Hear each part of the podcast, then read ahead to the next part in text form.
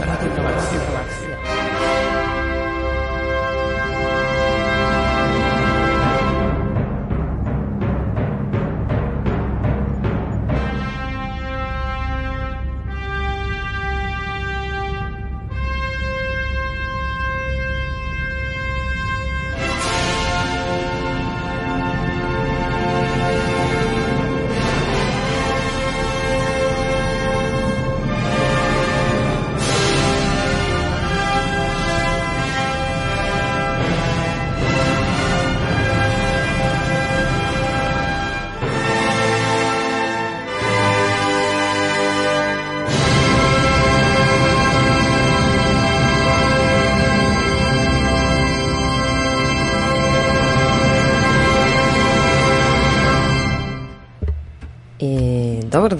došli.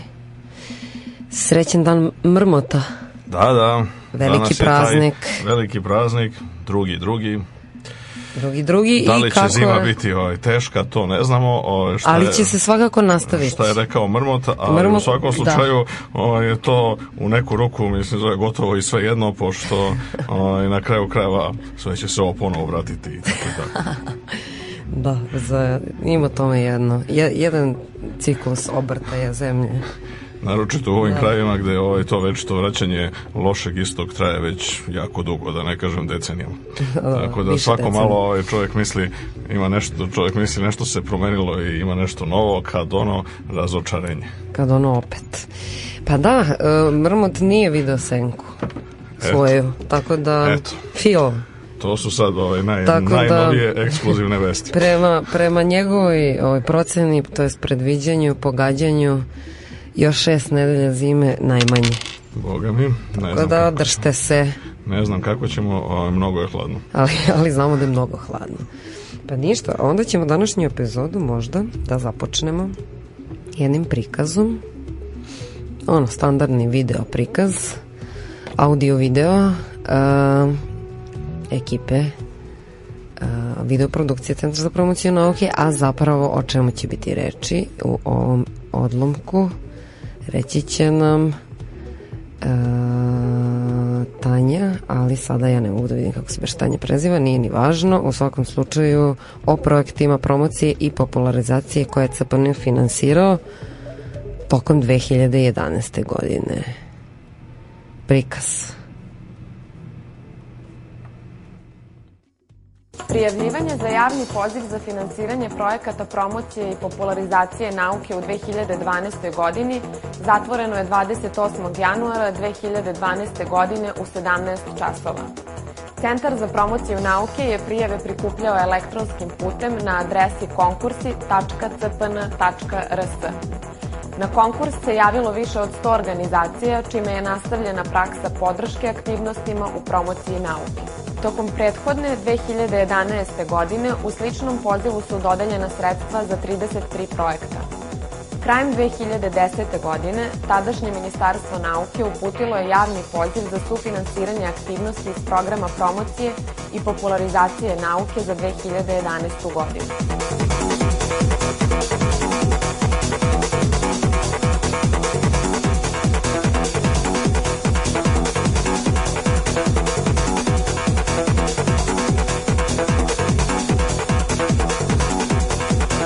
potom, početkom 2011. godine, Centar za promociju nauke je počeo sa radom i preuzeo svoje nadležnosti u promociji nauke definisane zakonom o naučno-istraživačkoj delatnosti.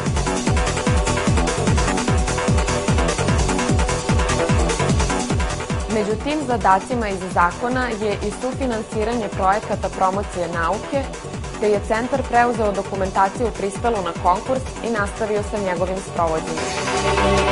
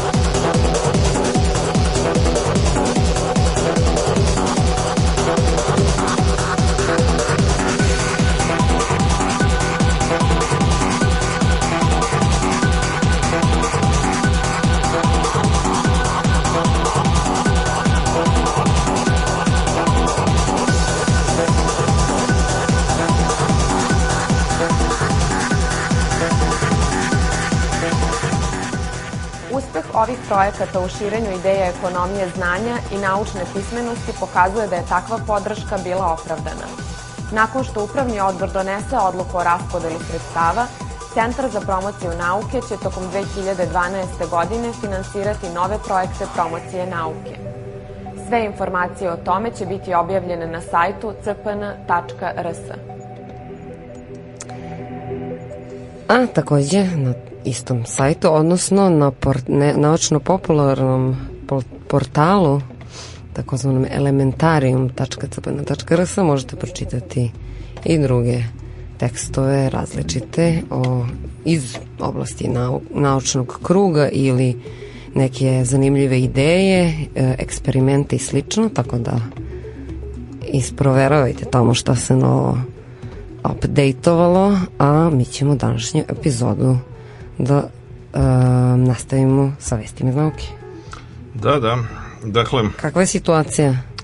Pa, ima raznih vesti. E, dakle, verovatno...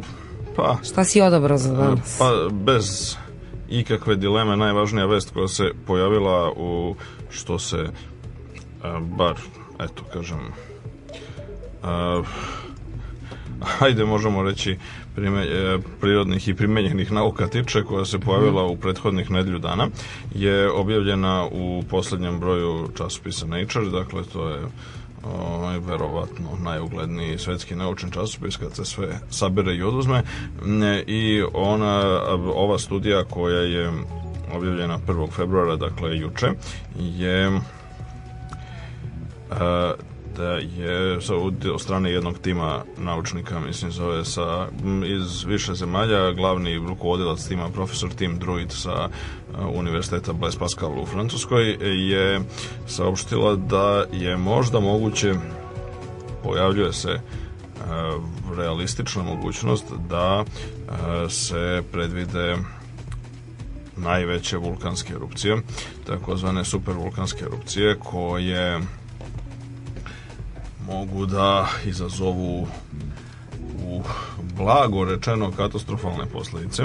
A, to takve vrste erupcija koje sežu od Uh, hajde da kažemo najvećih koje znamo u istorijskom periodu to su bila erupcija Tambora u, znači vulkana u Indoneziji 1800 2015. godine i erupcija Santorinija kojoj da, koja se ne znam možemo da kažemo tačno kad se desila i desila se negde u 14. veku pre naše ere. Ona je bila od odlučujućeg uticaja na nestanak minojske civilizacije na Kretu i verovatno na početak onoga što se često naziva tamno doba starog veka, to je taj jedan period od nekih 500 godina kome je e, do tadašnje vrlo visok nivo materijalne kulture postignut, na primjer u Kritskoj i Mikenskoj civilizaciji, u Egipatskom srednjem mhm. carstvu i drugde je nestao i praktično se nije pojavio se ponovo na tom nivou tek nekih recimo 500 godina kasnije. Vrlo moguće da je to izazvano poremećajima klime i ogromnim perturbacijama koje su e, nastale kao posledica erupcije Santorinija. Znači e, danas ono što može da se vidi ono kad to je veliko turističko mesto, je li odnosno ostrvo Santorini ili Tira, mislim kako glasi stari naziv, a, je ostrvo koje ima grubo govoreći oblik kifle, međutim ono nije imalo taj oblik kifle ili polumeseca stalno, nego je to bilo ostrvo koje je bilo celo, a ceo onaj deo koji nedostaje, hajde da kažemo u toj kifli je a, znači ogroman krater ogromnog supervulkana koji se urušio, mislim zove koji je prekrilo more. E, međutim, e, poenta jeste u tome da to što mi danas ne vidimo krater, odnosno što je on najvećim delom pod vodom, ne znači da je ta takozvana vruća tačka, geofizička vruća tačka mm -hmm. koja ispod toga ugašena. Ne, naprotiv, mislim, zove, može doći mislim, do takve erupcije ponovo. I zapravo, upravo je analiza a, uzoraka kristala izvađenih, mislim, zove, sa Santorinija, ne bila ono što je predmet ove studije. Te u tom smislu a, ideja koja koja se prezentuje u ovom radu jeste da zapravo mogu da se detektuju u samom kristalu e, tragovi seizmičke aktivnosti koja je prethodila samoj erupciji. Uh e, mhm. -huh. Dakle, e, kristali su, hajde da kažemo, fizički deformisani usred prostiranja seizmičkih talasa kroz njih i to je rekonstruisano danas, znači nekih 3000 i nešto godina nakon tog događaja, ali 3000 nešto godina je, za, je jako sitno tako, za geološke, sa geološkog stanovišta, tako da zapravo e, Santorini je, pa, ajde, nećemo da kažemo naš savremenik, odnosno erupcija se desila, nije se desila u savremeno doba, ali e, je poenta jeste u tome da zapravo e, se pokaže da se mogu detektovati svojevrsni znakovi, tragovi e, manifestacije u jednom periodu koji prethodi, mislim zove možda dužem ili kraćem periodu, koji prethodi, mislim zove samoj velikoj super erupciji, odnosno formiranju te kaldere, kako se nazivaju ti, ovaj, ti ajde da kažemo, srušeni, znači krateri vulkanski sa tim porušenim zidovima. Kaldere mogu da budu ogromne, znači verovatno najveća kaldera na svetu je ili barem najsvežija od posledica tako velike supervulkanske erupcije koja je još jača. Santorini je još relativno, on je, to jeste najveća istorijski gledano e, eksplozija, mada ne možemo opet tačno da procenimo njenu veličinu danas, ali postojale su mnogo veće tokom prethodne istorije. Na e, kaldera Toba u Indoneziji na ostrvu Sumatra je, e, dakle, to je danas jezero koje je nekih 75 sa 100 km otprilike grubo govoreći, ne, to je sve isto bio krater, odnosno ogromnog, ogromnog vulkana, Yellowstonski nacionalni park, mm -hmm. uh, Campi Flegrei, mislim, zove oblast u Italiji uh, i postoji još nekoliko mesta gde su se relativno poznate super erupcije odigravale.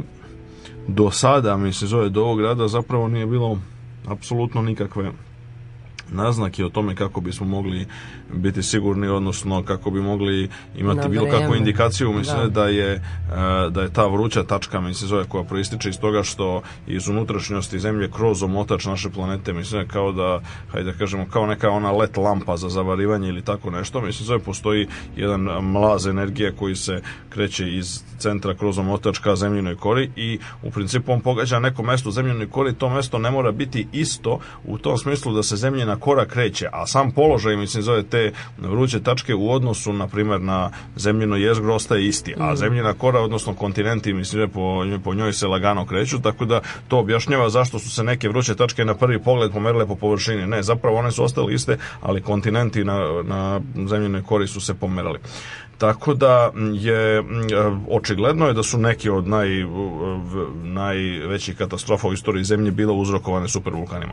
Čak e, relativno nedavno, pre nekih, pa da kažemo 10 godina, pokazano je da e, u domenu globalnih katastrofa zapravo supervulkani su oko dva puta češći, odnosno u proseku, dakle, deponuju na dovoljno dugačkim vremenskim skalama dva puta više energije nego sudari zemlje sa malim telima, pre svega sa asteroidima i kometama, koji su tradicionalno posmatrani kao najveće prirodne kataklizme koje mogu da izazovu efekte na celoj planeti i koje su izazivale efekte da. kao što su masovne izumiranja vrsta. Međutim, supervulkani su u nekom smislu reči još e, misteriozniji bili e, i generalno se smatraju mnogo manje predvidljivim nego što su, na primjer, sudari zemlje sa malim telima, koje mi danas uglavnom možemo da detektujemo, barem ona koja su toliko velika da bi izazvala globalne posledice. E, e sad, da li će, na primjer, nove studije kao što je ova, e, upravo objavljena, omogućiti da se tu nešto promeni situacija, odnosno da e, vulkani koji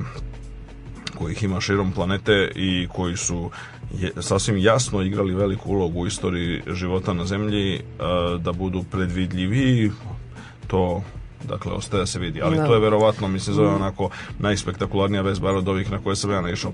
To je definitivno zato što možemo i da podsjetimo ove slušalace šta se zapravo desi kad se desi koje su posledica eksplozije? pa pre svega e, veliki, je... mislim, veliki, velika mm -hmm. koncentracija prašine u stratosferi koju izbace vulkani. Opet, mislim, treba da razlikujemo neposredne i dugoročne posledice. Mm -hmm. Neposredne posledice su a, to da u nekakvoj oblasti, mislim, zove, može da dođe do, a, e, do velikih razaranja, kao što svedoči recimo uništenje antičkih gradova Pompeji i Herkulonoma koji su na 70 i Uh, 9. godine, čini mi se, ali u svakom mm -hmm. slučaju negde krajem prvog veka e, naše ere bili uništeni e, eksplozijom Vezuva e, i odnosno, dakle reći, taj vulkanski pepeo je pao i pokrio ih u jednom strahovito kratkom intervalu što dan da što je dan danas fascinira arheologije i, i turiste u ostalom koji mogu da vide, mislim, bukvalno presek kako izgleda ono rimski svakodnevni život, pošto mislim zove su ove, ovaj, sve stvari stale maltene u,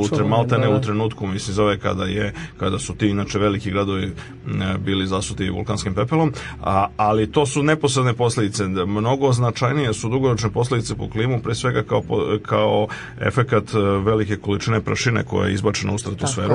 E, I sad ta prašina pomračuje manje ili više uspešno sunčevo svetlosti i reflektuje više uh, energije nazad iz, sa zemlje u međuplanetarni prostor, te u tom smislu je, to znači da rezultuje zahlađenjem. Pa dobro, donekle, da, naravno, mislim, zove, imamo efekte, naravno, i ne samo to, nego, mislim, ne mora da bude mrak u pravom smislu reči, može recimo da bude kao što se dešavalo tokom i relativno skorijih eksplozija mm -hmm. vulkanskih, kao što su recimo Krakatau 1883. ili recimo St. Helens pre nekih 20 30 godina, eh, da se, na primer primećuju mnogo crvene i zalasti sunca, to je zbog toga što znači ekstinkcija svetlosti u atmosferi je mnogo jača kao posledica povećane količine prašine zbog e, ove, efekata vulkanske erupcije. Inače, generalno govoreći, e, velike vulkanske erupcije, zaista velike, te takozvane supervulkanske, stvaraju globalnu vulkansku zimu koja je nazvana po mhm. analogiji sa nuklearnom zimom zato što je to zapravo jedan te isti efekat. To je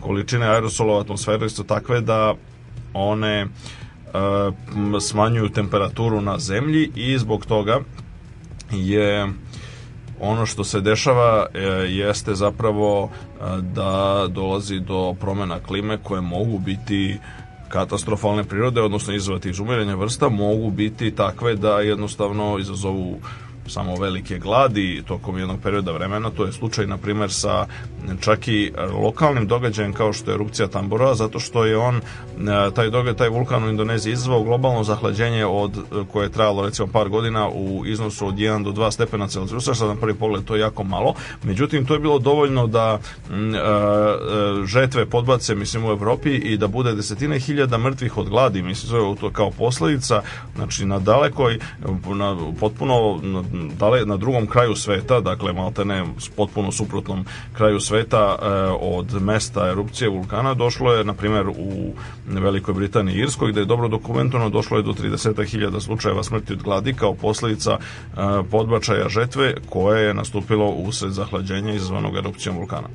E, u najnovije vreme videli smo erupcije vulkana na Islandu, mislim da su bile, mada nisu izazvale nekakve neposredne katastrofične posledice, izazvale su recimo prekid avionskog saobraćaja, što je verovatno najblaži i najmanji efekat koji vulkanske erupcije mogu imati, ali očigledno je da bi velike erupcije poput Santorinija ili ne daj Bože erupcije vulkana. poput Tobe ili, ili nekadašnjeg, nekadašnjeg Yellowstona izazvale, ne, izazvale zaista globalne katastrofične posledice koje pa moguće da je erupcija Tobe poslednja pre 75.000 godina ovaj, je moguće da je zapravo ona za malo i dovela do mm, izumiranja ljudi zato što neka genetska ispitivanja pokazuju da zapravo ta fantastična uniformnost ljudskog genoma koja se primećuje danas je mhm. verovatno posledica toga što u nekom trenutku a, rane istorije a, e, savremenog čoveka postojao takozvani u, u takozvano usko grlo ili bottleneck u, u populaciji, to jest populacija je pala naglo na veoma mhm. mali broj, recimo par hiljada ili neki kažu ispod hiljadu individua, a, e, te u tom smislu reči je došlo do, e, do homogenizacije genoma zato što smo svi svi potomci tog veoma malog broja individua. I moguće neka istraživanja ukazuju da su to upravo pod udara sa periodom erupcije tobe pre oko 75.000 godina, tako da vrlo moguće da, e, da jedan supervulkan već za malo što nije izazvao, pošto je to onda bilo zaista efekat za dlaku, mi se zove izumiranje ljudi. Tako da, a, to može da se ponovi. Te u tom smislu reči je ovo veoma, veoma značajna vest i u suštini ljudi i ne razumeju u kojoj meri je geofizika generalno, a vulkanologija posebno kao jedna podgrana, ovaj, značajna, mislim, mislim zove za nas. Druga vest zanimljiva koja nam dolazi iz, sa obale Novog Zelanda, isto ovako jedna prirodnjačka stvar, današnja emisija inače ovaj, je tako, ajde posvećena ono prirodnjaštvu u nekom klasičnom mm -hmm. smislu te reči. Dakle, je a, otkriće velikog pa ovaj kako se to ovaj dakle kod nas pre, e, naziva taj e, taj film odnosno e, odnosno zapravo zapravo ovaj, nije film nego, nego je nego je klasa krustacea, odnosno to bi bili ljuskari. E, dakle, dakle ljuskari e, su rakovi, dakle najlogičnije, mislim da najprirodnije i logičnije. E, otkriven ogroman rak koji je živi ni manje ni više nego 7 km ispod površine okeana, ovaj blizu obale Novog Zelanda, ogroman zato što mislim zove pripada vrsti koja je inače mm, velika po par santimetara, 2, 3, 5 do 10 santimetara, ova ima ni manje ni više nego 34 santimetara u dužinu i prema tome predstavlja pravu pravog džina, mislim, zove za svoju grupu životinja, a ono što je potpuno fascinantno jeste da, dakle, živi na, na u tako bizarnim uslovima, znači na ogromnom pritisku i na mestu gde je zapravo more, odnosno voda potpuno mračna, znači koja apsolutno nikad ne vidi ni deo svetlosti sunca, mislim se tako da je u tom smislu reči jedan zaista egzotičan, zaista egzotičan primjerak životinje e, i istraživači, mislim se zove opet jedan međunarodni tim na čelu sa istraživačima sa Univerziteta u Aberdinu u Škotskoj i istraživačima sa Novog Zelanda su e, postavili mislim nekakve dubinske zamke u cilju da utvrde mislim zove šta se nalazi u toj takozvanoj Kermadek e, uh, Oh. Urvini ili mislim zove kanjonu ili kako, kako god, znači podvodnom, podvodnom kanjonu koji je generalno dubine mislim zove negde oko 10 km, a oni su postavili na oko 7 km dubine su postavili te nekakve duboke zamke, inače jako teško uzeti bilo kakve uzorke sa tako velikih dubina. Znači to možete da uraditi, ali treba ili batiskav što je ekstremno skupo, mislim zove, ili nekakva nova tehnologija postavljanja, mi zove sondi i zamke koje su upravo sad demonstrana e, i između ostalo ostalog pronađeno je veliko bogatstvo života u na tako velikim dubinama, što je zapanjujuće, pošto znači pritisak, e, odsustvo sunčeve svetlosti i tako dalje, na prvi pogled čine e, hladnoća. Na kraju kreva tamo na, na, na toj dubini voda je permanentno, mislim, zove hladna oko nule, mislim, dakle oko nula stepeni, mislim, zove malo je... i, malo i onda ono što je, ili možda 2-3 stepena iznad nule. Tako da je, ove, to je nešto što je, e, što nas se prvi pogled čini kao jako negostoljubivi i neprijatni uslovi za život, međutim kako stoje stvari mnoge vrste su se prilagodile tome, uključujući i neke koje su jako velike. To što, su, to što je ovaj Super džin novi koji još nije dobio uh, ovaj zvaničan naziv, uh, to što je on uh, dakle mm, tako veliki, mislim, znači ono 30, 34 cm je, je takođe vrlo značajna stvar, zato što kao što ćemo vidjeti baš u nastavku ove emisije, zapravo postoji jako velika razlika između u hajde da kažemo, zahtevima koje pred evoluciju postavlja stvaranje velikih životinja, odnosno na stvaranje jako malih, tako da, mm, tako da to ukazuje, velike životinje generalno ukazuju na to da e, je evolucija jako mnogo odmakla i izvršila jako mnogo, hajde, uslovno svaćano eksperimenata, mislim, pre nego što je došlo do ovih morfoloških oblika kakve vidimo.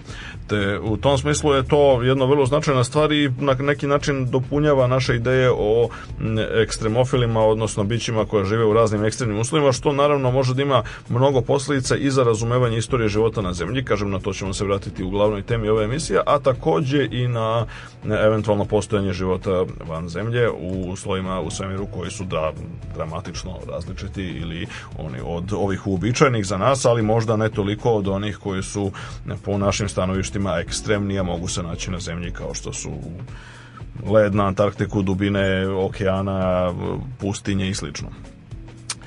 E, i sad, ne znam, još jedna vest koja je onako donekle naučna, ovaj, donekle društvena, politička, kako god, mislim, zove to čovjek shvatao, e, ponovo se aktualizovala, e, pošto početkom godine u Velikoj Britaniji, mislim, postoji jedna lepa praksa da se podnose, mislim, zove razne e, neke bitne inicijative koje se treba da pa sad kojima treba da se bavi ili parlament ili već mislim zove ono drugi organi, onda ponovo se e, ovaj, pokrenulo pitanje nakon toga što je pre e, neka tri godine tadašnji premijer Gordon Brown mislim zove se mhm. e, izdao jedno zvanično saopštenje mislim zove kojim je kojim se e, kojim je na neki način preneo izvinjenje e, britanske vlade mislim zove za e, ovaj, ponašanje prema dakle jednom od najvećih E, naučnika 20. veka i svakako jednog od najvećih umova, verovatno u istoriji čovečanstva, Alana Turinga. E, e sad, ovo je posebno dobra ova e, inicijativa koja je početkom ove godine, zato što je pada tačno na 50 godina zapravo, mislim zove od e, toga, mislim zove kada je Turing dakle bio osuđen 1952. To treba zaboraviti imati u perspektivi da 1952. još, mislim, zove u jednoj naprednoj zemlji kao što je Velika Britanija, homoseksualnost bila a, razlog za krivični progon. Mm -hmm. Tako da a, u tom kontekstu je, m, dakle, Turing bio 52. godine osuđen i poslat na prinudno psihijatrijsko mhm. lečenje koje je uključivalo, mislim zove, dakle, uključivalo i prinudne injekcije hormona kojima se smatralo da se homoseksualnost može izlečiti. I dve godine kasnije on je bio pušten, mislim, završeno lečenje, on je bio kao zvanično, zvanično Izleči. proglašen kao izlečen, međutim, očigledno da, da ovaj, sa njegovog subjektivnog stanovišta to nije baš bio neki ovaj, srećan završetak, jer je on dve godine kasnije kasnije ovaj, izvršio samoubistvo na jedan relativno ovako ovaj romantičan način naime uzeo je uh, uzeo jabuku ušpricao injekcijom cijankalium u jabuku i pojeo jabuku a, ono što je ono što je značajno o Turingu se može zaista jako mnogo govoriti mi smo nešto i govorili mm -hmm. u mhm. nekim od prethodnih radiogalaksija možemo i neku od narednih emisija o tome da posetimo pa, da, takođe. On je da. otac, tam. praktično otac ovoga što se danas naziva computer science, odnosno mislim zove računarskih nauka to je gotovo mm, gotovo nema nikakve dileme u pogledu toga. Znači njegovi radovi pre svega prvo onaj na problemu hajde da kažemo, mehanizacije, kako se tada govorilo, rešavanja matematičkih problema iz 1936.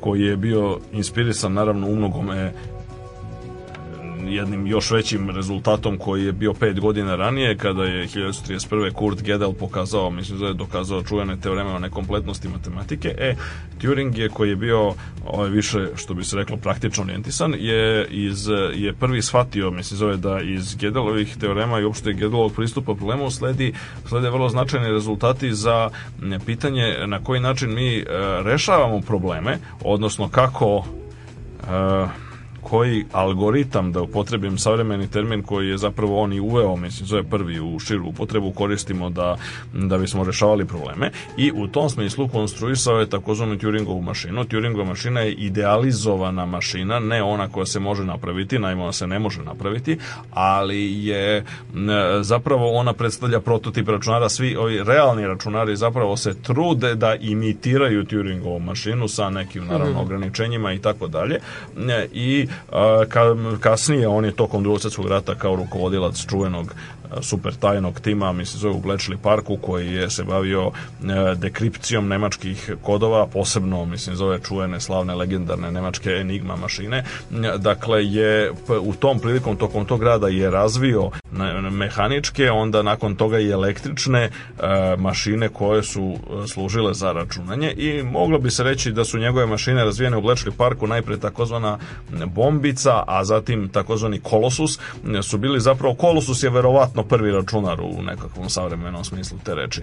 A, I a, on je takođe i nakon Drosijskog rata nastavio da se bavi tim problemom, tako da je 1950. godine objavio čuveni rad koji je definisao oblast veštačka inteligencija. Zapravo on je i smislio, mislim, zove sam termin veštačka inteligencija i definisao je nešto što se zove Turingov test, koji a, e, nam treba, um, trebalo da nam omogući da, e, da prepoznamo veštačku inteligenciju kada se razvije. E sad, e, Turing je dakle im, e, imao ogromne rezultate koji su potpuno ono i dan danas mislim zove se on praktično ovaj, sve što se dešava oko nas malte ne mislim zove posebno u informatičkoj eri predstavlja nastavak i ekstenziju Turingovog rada. To, međutim, mislim, nije prepoznato bilo tada. On je u nekom smislu reči bio, ja, bio je dosta izolovan iz razno raznih razloga, ne samo, mislim, zove zbog svoje gej orijentacije, da to jeste bio deo, mislim, problema. u svakom slučaju. Da. Ali je čovjek, mislim, njegov rad jednostavno nisu bili adekvatno svaćeni.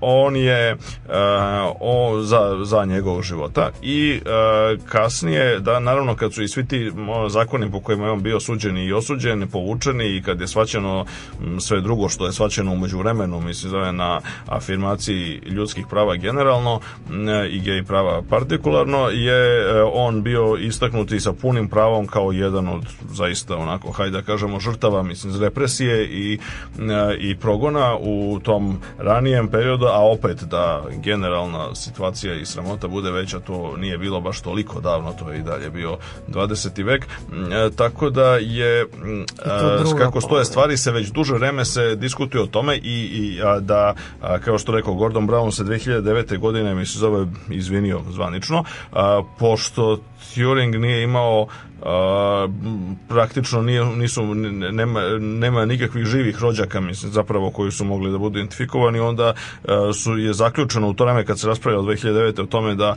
a, e, je zapravo nema smisla dodeljivati novčanu ovaj, kompenzaciju kako se to obično radi sa žrtvama progona koji se smatraju nepravednim koje, za koje se zaključi da su bili nepravedni, neadekvatni i tako dalje, ali ovaj, pošto bi to i tako i tako kada bi država, mislim ironijom ta, ta jednostavno takva je situacija. Ako nema rođaka i jasnih naslednika, onda ako bi država i dodela neka sredstva, onda bi ona ponovo ih uzela, mislim, zove, jasne, nakon, nakon toga, pošto e, je, e, e sad, međutim, e, poslanik iz a, iz Manchestera, John Leach, je e, sugerisao, mislim, zove jednu, a, jedan predlog praktično, mislim, zove jednog akta, mislim, zove koji bi a, zapravo ne samo predstavljao to neko moralno izvinjenje, nego bi izvanično pravno, mislim, zove ukinuo, mislim, zove tu presudu protiv Turinga kao svojevrstan uvod u ukidanje svih presuda koje su bile donesene, mislim, zove na osnovu toga, na, na osnovu ideje o kažnjivosti, mislim, zove homoseksualnosti kakva je bila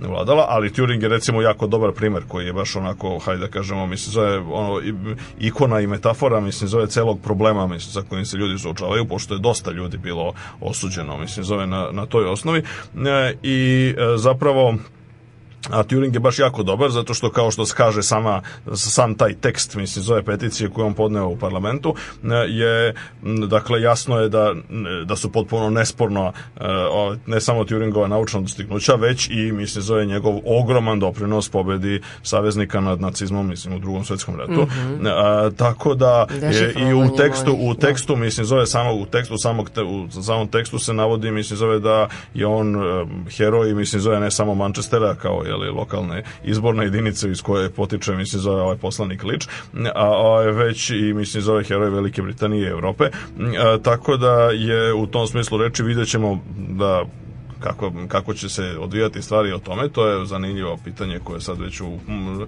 u, domenu, u domenu prava i politike, ali predstavlja jednu vrlo zanimljivu mislim, stvar. Naravno, to nije jedina stvar, evo, ispred instituta u Manchesteru, e, univerziteta u Manchesteru, gde je Turing radio najveći deo, mislim, zove svoje akademske karijere, je nedavno, relativno nedavno, pre deseta godina podignuta njegova bronzana statua, mm -hmm. koja čak i u poređenju sa, sa, sa, sa sličnim ovaj, statuama koje se podižu, mislim, zove zakasnelo u poslednje vreme i tako dalje. Recimo, uzmimo samo primjer onu dosta tragičnu statu Nikole Tesla na Beogradskom da, aerodromu. Da, da. Ove ovaj je, pri, ova je čak i prilično dobra. Objavljene su recimo poštanske marke sa njegovim likom, ima čitav niz recimo objekata astronomskih asteroida i slično koji su nazvani po njemu i tako dalje. Tako da... Generalno na, upo, ljudi su šire upoznati. Na neki način da. I to može da doprinese, mislim, zove kao što je uvek, mislim, zove vredi istaći, mislim, zove, a posebno u sredinama koje su koje imaju taj problem sa e, potpuno nakaradnim i pogrešnim i, i,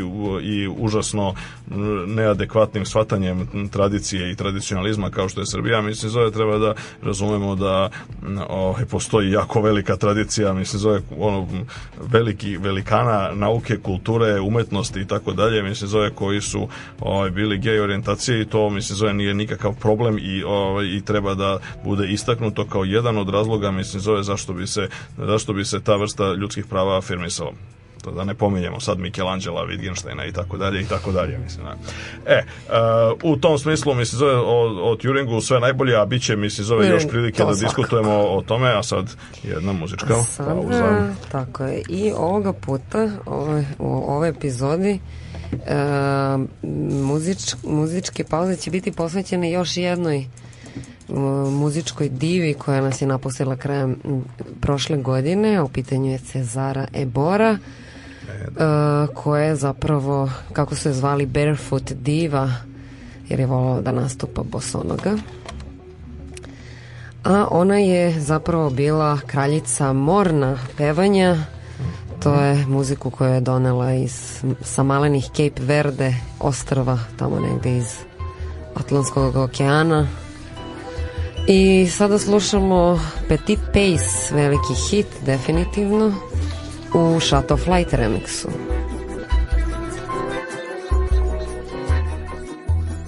Lá nasceu põe uma estrela que cada brilhar, linda mar põe uma areia que cada molhar, espanhol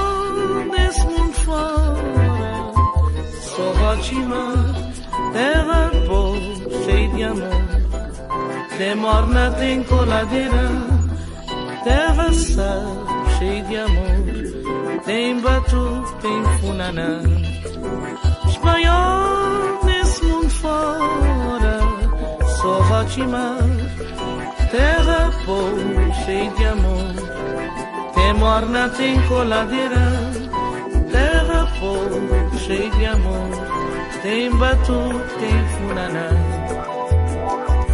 Oi, tanto saudade, saudade, saudade. Oi, tanto saudade, saudade sem fim. Oi, tanto saudade,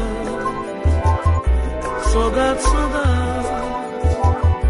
Oi, tanto saudade, saudade sem fim.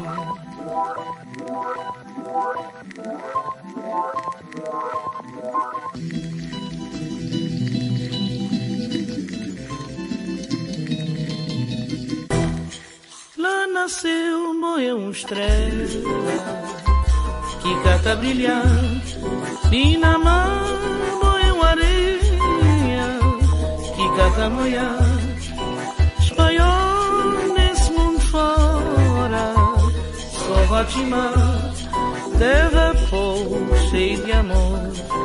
Tem morna, tem coladeira, terra sal cheia de amor. Tem batu, tem funaná, espalhado nesse mundo fora. Sou Guatimar, terra pou cheio de amor. Tem morna, tem coladeira, terra pou cheio de amor. Timbuktu, Tinsunana,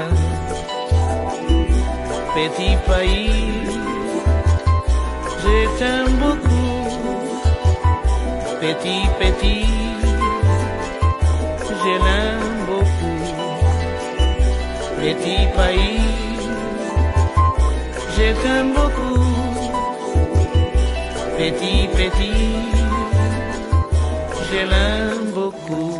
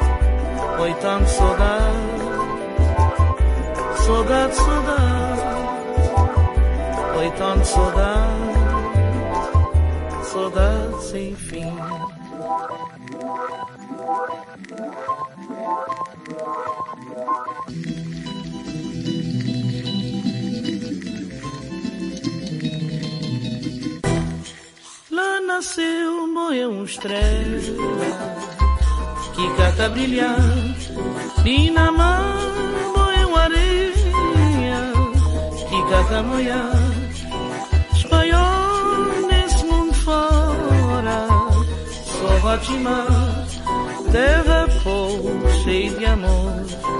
Tem morna, tem coladeira, terra sal cheia de amor. Tem batu, tem funaná, espalhou nesse mundo fora. Sou Batimar, terra fogo cheia de amor. Tem morna, tem coladeira, terra fogo cheia de amor tem batutim funanã Petit pays J'ai t'aime beaucoup peti petit Je l'aime beaucoup Petit pays Je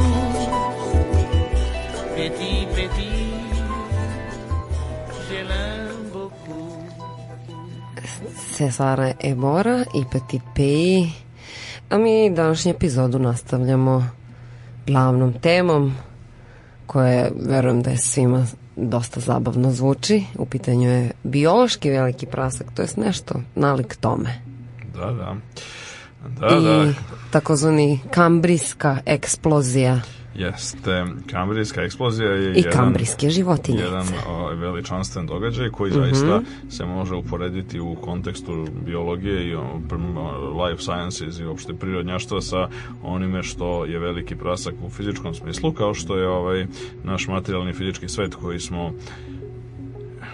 posmatrali i posmatramo i dalje e, nastao u jednom jedinstvenom događaju kakav je bio veliki prasak i onda se E, nakon toga više nikad nije ponovio, do duše moguće da postoje neki drugi univerzumi gde se veliki prasak dešava upravo sad, o tome smo pričali, ali e, generalno u ovom našem svemiru se veliki prasak i nekakve dešavanja fizička vezana za njega desio samo jedan put, e isto tako mislim da se samo jednom u istoriji života desila takva neobična, kratka i dramatična epizoda e, strahovite stra, diversifikacije, usložnjavanja i pojave novih kako bi to rekli biolozi morfoloških planova a, I sad, da bismo to međutim razumeli, potrebno je da, da se malo ovako vratimo u prošlost i da se, znači, ovaj, prvo razumemo šta je to, kakva je bila pozadina zove, cele te priče.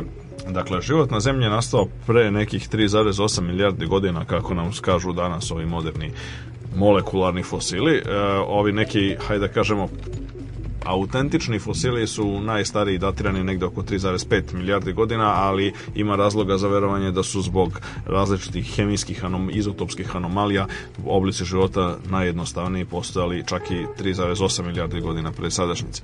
To je bilo maltene period odmah čim se završila ona takozvana epoha poznog bombardovanja, dok se zemlja sudarala i dalje sa ostacima formiranja sunčevog sistema, dakle to su bili objekti, mislim kao što su danas asteroidi i komete, samo mnogo veći i mnogo ih ih je više bilo, koji su, nastali, koji su nastali, odnosno ostali kao neka vrsta otpada i škarta od formiranja poznatih planeta sunčevog sistema i oni su se postepeno raščišćavali u prvih par stotina miliona godina nakon formiranja. Neki sad kažu da je dolazilo do još nekakvih povremenih pojačavanja intenziteta bombardovanja zbog toga što su recimo po jednoj od hipoteza spoljne planete Uran i Neptun formirane kasnije nego što su ove druge, pa je kao posljedica njihovog formiranja došlo do e, slanja jednog velikog broja objekata iz spoljnjeg u unutrašnji sunčev sistem i onda su oni izvali to takozvano pozno bombardovanje koje se završilo negde upravo oko 3,8 milijardi godina pre današnjice i e, onda su se nakon toga na zemlji stekli manje više stabilni uslovi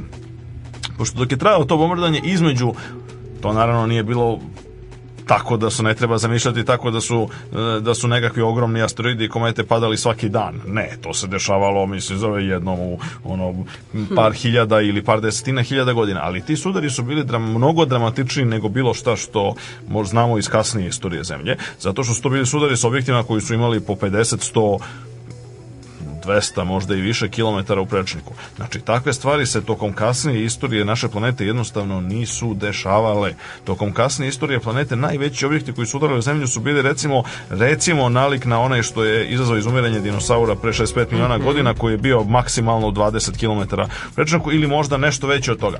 Znači, sudar zemlje s objektom 100 km u prečniku, na primjer, izazvao bi potpuno topljenje, mislim, zove, cele zemljine kore na celoj planeti i onda posle ponovo, jeli, hlađenje i ono očušćavanje i tako dalje. Znači, on bi izazvao sterilizaciju čitave planete. Čak i ako život mogao da nastane pre toga, u nekom od tih intervala između tako velikih sudara, on je jednostavno i preživeo, mislim, zove sledeći veliki sudar. E, te kad su se ti veliki sudari završeni, onda su stekli stabilni uslovi i onda su zaista nastali prvi jednostavni oblici jednoćelijskog života. E, ono što jeste zanimljivo jeste da je nakon toga, mi se zove, ob, ob, ti jednostavni oblici života preteče današnjih bakterija i arheja. Arheja je jedna nova grupa, odnosno, kako bi se to danas reklo, carstvo života koje e, zapravo je deli, ajde, ajde kažemo, ono što nekad se smatralo, ne, postoje, ne, nekada stara taksonomija je sugerisala da ima, imate one čujene podele koje su učile u, u iz biologije, nešto e, pa to, bilje, biljke, životinje, gljive, mislim i tako dalje. Ne, umjesto toga imamo danas tri takozvana domena, velika domena života, a to su mislim zove eukarija, prokarija i e, arheja. E sad, a, a, a kad što ev... Da uđe u obrazovni sistem? Pa, trebalo bi, ja mislim da evo, u, novi, u novim generacijama, to ne mogu tačno da kažemo, u novim generacijama ovaj, urbanika bi trebalo da to bude tako. Znači, mm -hmm. radom nekih, relativno skoro, zapravo radom gomile ljudi, mislim, zove od kojih je najznačaj najpoznatiji Karl Veze, koji su uveli, mislim, zove ta tri velika domena koji se nalaze iznad tih kraljevstava. Znači, to životinje, biljke i tako dalje, to se sad naziva kraljevstva, iznad njih su domeni. E sad, kraljevstva, general, e, znači, domena domena ima tri, od toga su dva, znači prokarioti i arheje, mislim zove su jednoćelijske oblice života, samo onaj treći domen, mislim zove eukarija, odnosno eukarioti, mislim zove su, u, u njemu se nalaze sve biljke i sve životinje i, i ove ostale stvari, gljive i te stvari. Mm -hmm. Dakle, e, e o, te, taj treći domen je nastao i pojavio se jako kasno. Drugim rečima, život je šest sedmina svoje istorije, otprilike tako nešto, proveo samo u domenu jednoćelijskog i najjednostavnijeg oblika života, znači pre svega su bile u pitanju bakterije, mislim se i neke od tih arheja su, su postojali tokom narednih, znači od formiranja života pa više od 3 milijarde godina narednih ništa drugo nije postojalo. To, to znači da bi eventualni posetilac naše planete u bilo kada u tom ogromnom periodu, znači da govorimo preko 3 milijarde godina, dakle bi, ne bi mogao zaključiti da je Zemlja nastanjena direktno nikako, osim da ako ne pogleda kroz mikroskop. Mm. Zato što jedino svi organizmi su bili mikroskopskog karaktera. On bi mogao do duše posredno da zaključi da je zemlja nastanjena tako što bi ustanovio neke stvari koje uticaj te organizme, iako su bili mali, Oni su imali ogroman utjecaj na fizičku okolinu našu zato što su pre svega stvorili kiseonik u atmosferi. To je jako bitna stvar. Kada je nastao život i mnogi kažu da je to jedini način na koji bi mogao nastati život, e, zemlja nije imala uopšte ni trunku kiselnika u atmosferi. Znači, kiselnik kao jedan ekstremno agresivan hemijski element, zapravo drugi najreaktivniji hemijski element u celom prednom sistemu, odmah iza flora i najopasniji sa stanovišta mislim zove razaranja, mislim zove generalno hemijskih drugih jedinjenja je jednostavno nešto što u prirodi neće da se pojavi samo od sebe. Ono kada bi život nestao sa zemlje, mislim zove neki način, onda bi e, vrlo brzo u geološkim terminima, znači ne, danas sutra bi nestao kiselnik atmosfere sav, odnosno vezao bi se sa stene, formirao bi okside, mm. vezao se stene na tlu. To se desilo sa kisonikom na drugim planetama koji imaju atmosferu, znači na ovaj, Marsu, na Veneri i tako dalje, postoji dalje kisonik, ali sav je vezan u oksidima a sad raznim, dobro, može biti ugljen dioksid u atmosferi kao na Veneri, a mogu biti oksidi u tlu, mislim zove i tako dalje.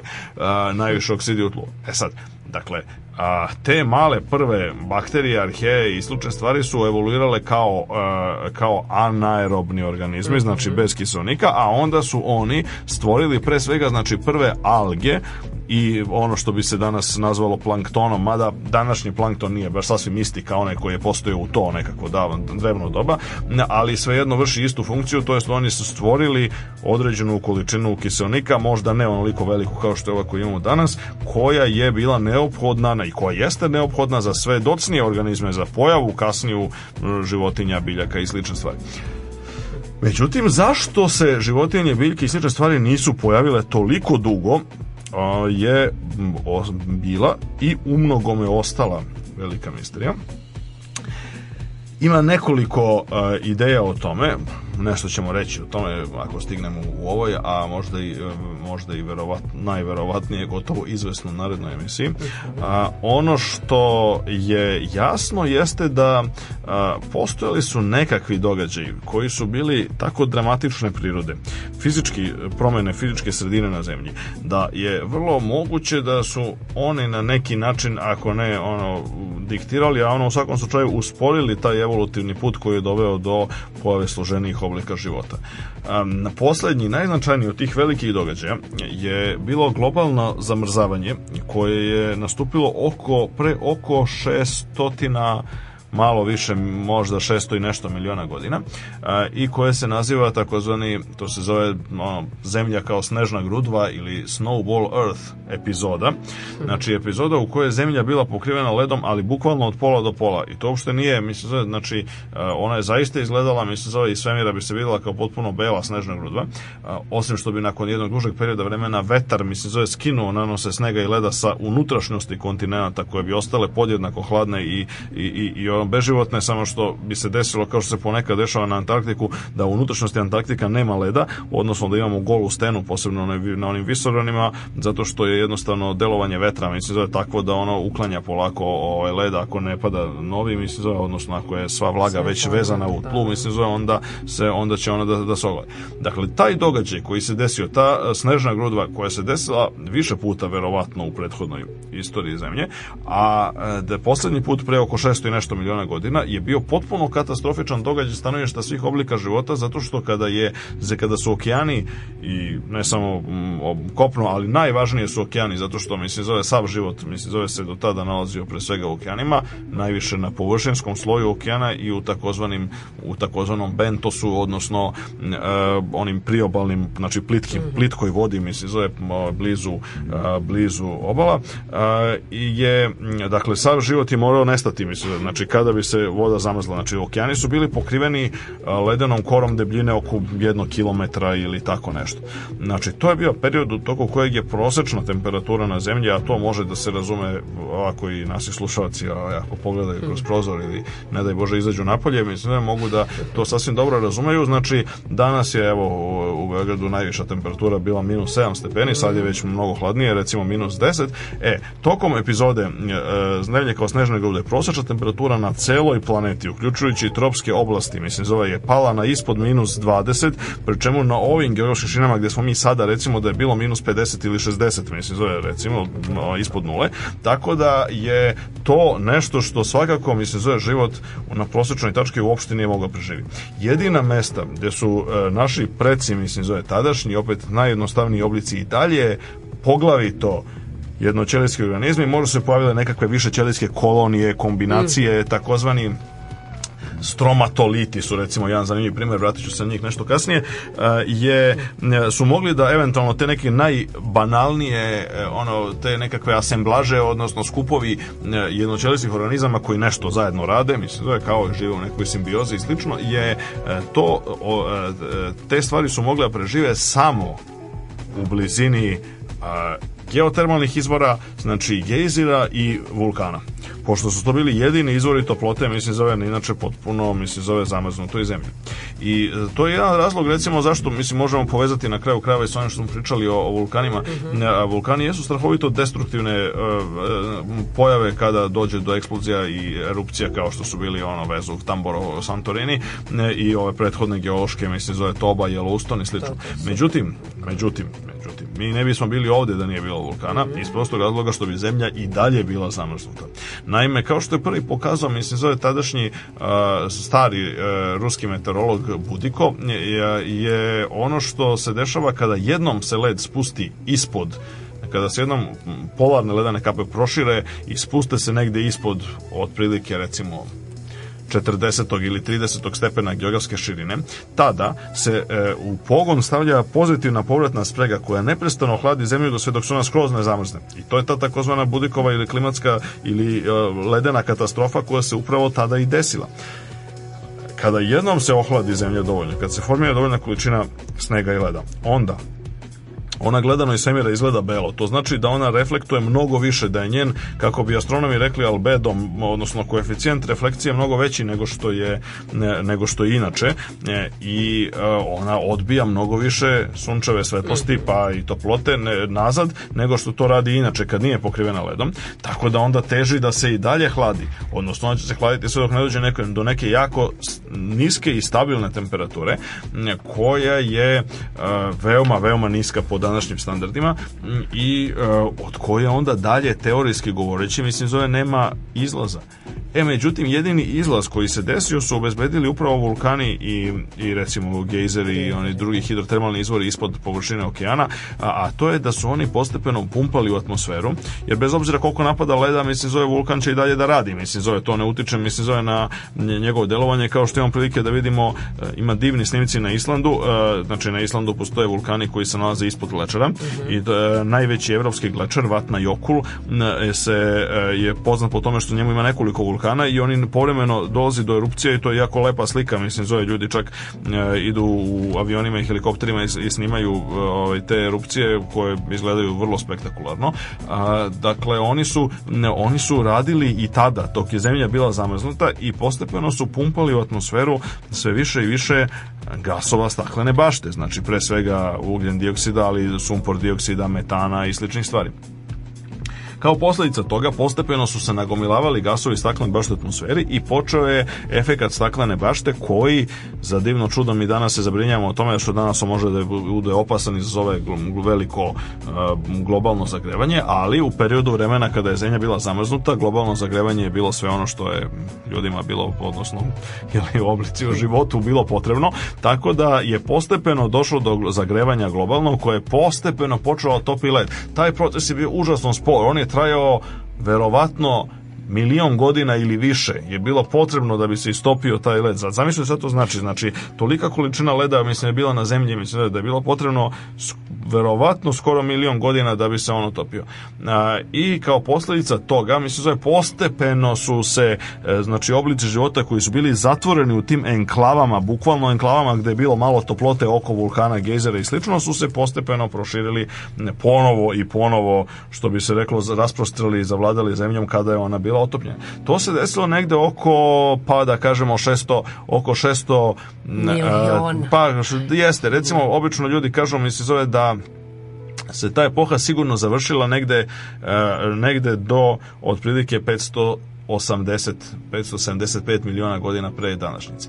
A, e, tada, se desilo, kao posledica toga desilo se nešto što je na neki način e, bilo fitilj ili pa moglo bi se reći a, e, preludijum ili, a, ili predigra ili prva proba za kambrijsku eksploziju, a to je nešto što danas a, e, paleontolozi, po najviše koji se time bave i paleobiolozi, paleogeolozi, nazivaju avalonska eksplozija. Dakle, mhm. odjednom, e, dakle, poja tada su se pojavile prve stvari koje zaista možemo karakterisati, mislim, zove kao višećelijski organizme ili neki bi rekli životinje, ali to je to pitanje da li su da li se to mogu nazvati životinjama ili ne je i dalje otvoreno, ali u svakom slučaju prvi kompleksni najstariji kompleksni višećelijski organizmi za koje znamo sačinjavaju takozvanu edijakarsku faunu. E, nekad se nazivala fauna kad se verovalo sto životinje. Danas se naziva je dijakarska hmm. biota, mislim, zove najčešće, zato što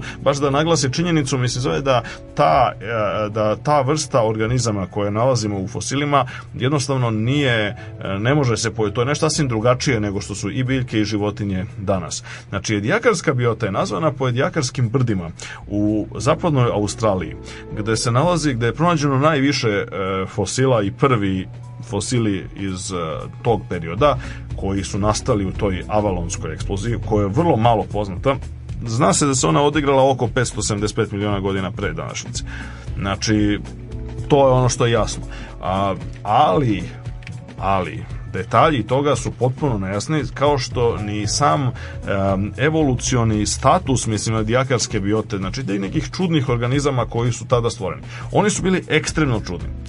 Jedan od najpoznatijih, verovatno, edijakarskih fosil je takozvana Dickinsonija.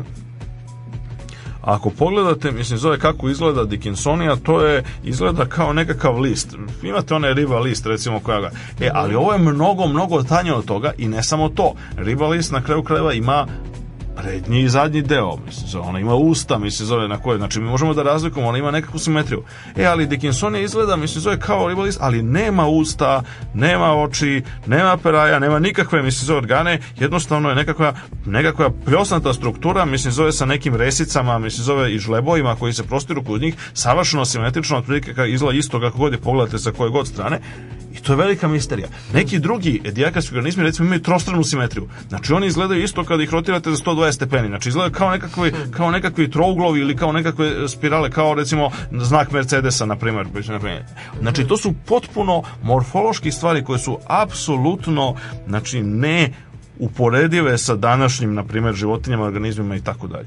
Znači, ne možemo da razumemo mislim, koliko je to, znači, razlika i morfološka i strukturna i po obliku i po funkciji između krompira i čoveka, mislim, je daleko mm, manja Manje, da, nego razlika jasno, između edijakarske, jasno, edijakarske da, da. e, ove, biote i krompira, na primer. Mm -hmm. Tako da je mhm. ta edijakarska biota je cvetala otprilike, odnosno, najstariji fosili su izgleda nastali i pre tog zamrzavanja. Oni izgleda da su edijakarske biota je nekako preživala, odnosno u tim enklavama je preživala to zamrzavanje.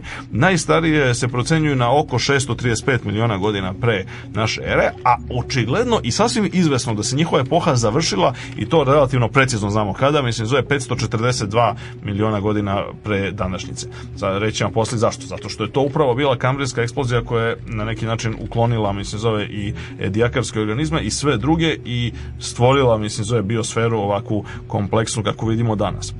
A, jedna stvar koju treba napomenuti jeste da pre toga, ajde, pomenuo sam recimo stromatolite. Stromatoliti su zanimljiv primer zato što ljudi ne, zvan, ne znaju da e, gomilu stvari, recimo kad se grade građevine, posebno u mestima gde postoji jako izraženi, mislim zove ti drevni ovaj, prekambrijski slojevi mhm. kamena i stenja, kad se grade spomenici, tako to je recimo slučaj posebno u Kini. Znači u Kini ima jako mnogo mesta, mislim, gde su ekstremno stare stene blizu površine iz razno raznih geoloških razloga i e, stene koje su korišćene još od vremena, mislim zove stare antičke Kine, e, za recimo gradnju spomenika, na primer, postoji jako lepi oni nekakvi sivkasto-crvenkasti kamenovi koji su korišćeni recimo za one vojnike tamo u grobnici, ispred grobnice cara Shi Huangtija za gomilu drugih, mislim, zove artefakata i starih, mislim, zove spomenika, takođe u savremeno doba, kao što se u nekim ove, ovaj, zabavnim knjigama, kao što je Kolevka života, knjiga Vilijema Šopfa, jednog od istaknutih savremenih paleobiologa, koja je na, na relativno popularan način prikazuje e, taj drevni prekambrijski svet, mhm. e, je, recimo, on prikazuje tamo, mislim, u fotografiji ima savremeni, relativno savremeni spomenici ostaci Mao Cetunga, na primjer, koji su da. izgrađeni isto to kamena, a taj kamen je zapravo stromatolit, odnosno to su,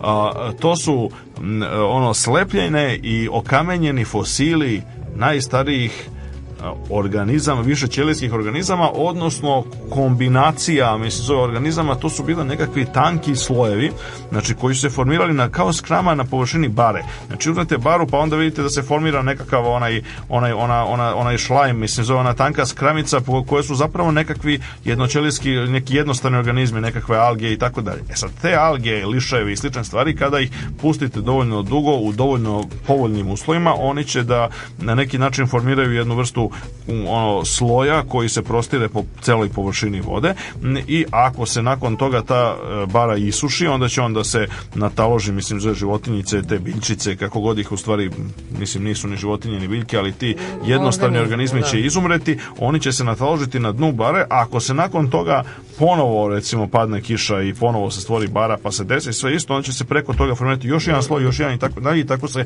formiraju hiljade i milioni slojeva i postepeno se to pretvara u stenu i ta stena je recimo jako pogodna sa stanovišta mislim to vajarstva, građevinarstva i sličnih stvari, da, da, da. a ovaj a da ih ima, a ono što je bilo naravno divno iznadženje, sad ljudi misle ok, stromatoliti to su bile ekstremno primitivne primitivne skupine eh, jednostavnih organizama i sad to je odavno izumrlo i tako dalje, međutim što bi rekli iznenađenje, iznenađenje. Mhm. A, dakle, sa, sa velikim oduševljenjem i čuđenjem su naučnici ustanovili još prilično davno da postoji jedno jedino mesto na svetu, to je zaliv Ajkula, opet na zapadnoj obali Australije. Inače, u Australiji se nalazi najviše tih drevnih prekamberskih fosila. Dakle, u zalivu Ajkula, mislim da se on zbog specifične svoje prirode ima ogroman salinitet i ekstremno gustu vodu i praktično je mrtav sa stanovišta svih savremenih oblika života, pošto što ništa od ono riba, rakova, školjki, mislim zove planktona i tako dalje, ne može da opstane tamo. E, on ima salinitet koji je ono veći nego recimo mrtvo more i u, u Palestini i druge i druge slične oblasti gde, gde je takva situacija ima ogromnu količinu rastvorenih raznih drugih supstanci, a, koje su generalno toksične za savremene organizme a međutim no međutim u nekim Sad, kako je to jedan veliki zaliv, onda oko njega, mislim, zove, postoji još, recimo, on je okružen svojevrsnim močvarama i barama. E, u, u tim barama se dan danas žive živi stromatoliti, e, odnosno, tako reći, živi fosili koji su isti danas praktično kao što su bili pre, pre oko milijardu Šest. godina ili već, mislim, zove Aha. više, to znači, u tom nekom, mislim, ne znam, ovaj, znači, to je bilo wow. pre, to, znači, to stromatoliti su bili mnogo pre edijakarske biote. E, edijakarska biota, mislim, znači, je je, bila prva, prva stvar koja su bili nekakvi znači, kompleksni višećelijski organizmi. Kako, u kakvoj vezi je ona sa današnjim svetom, pa o tome postoje razne ideje.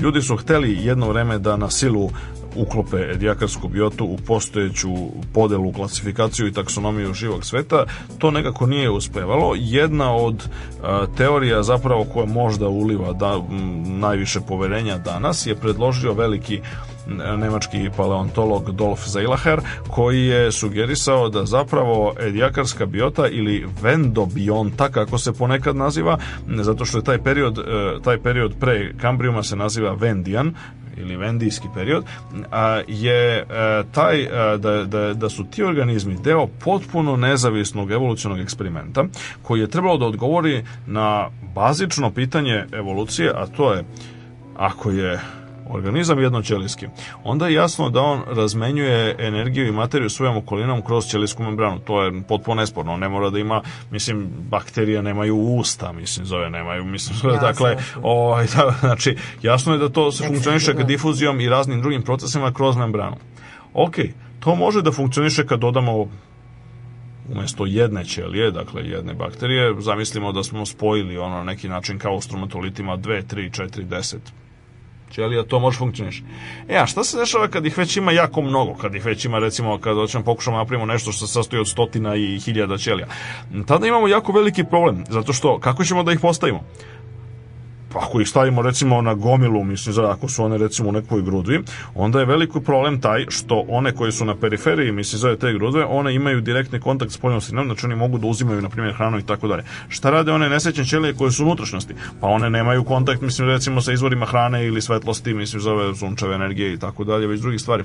I one će da umru zato što mislim svaka ćelija treba da se hrani. Ne može se hrani unutrašnjosti ako su one, one na periferiji već sve pojele. To je relativno jednostavna stvar. E onda, onda se to, znači savremena evolucija, kako to, mislim, kako onda uopšte mogu postoje, recimo, današnje životinje, biljke i slične stvari. Pa razmislimo o tome kako zaista izgledaju, mislim, zove današnje životinje, uključujući i ljude. Pa one izgledaju tako što im postoje spoljne i unutrašnje membrane.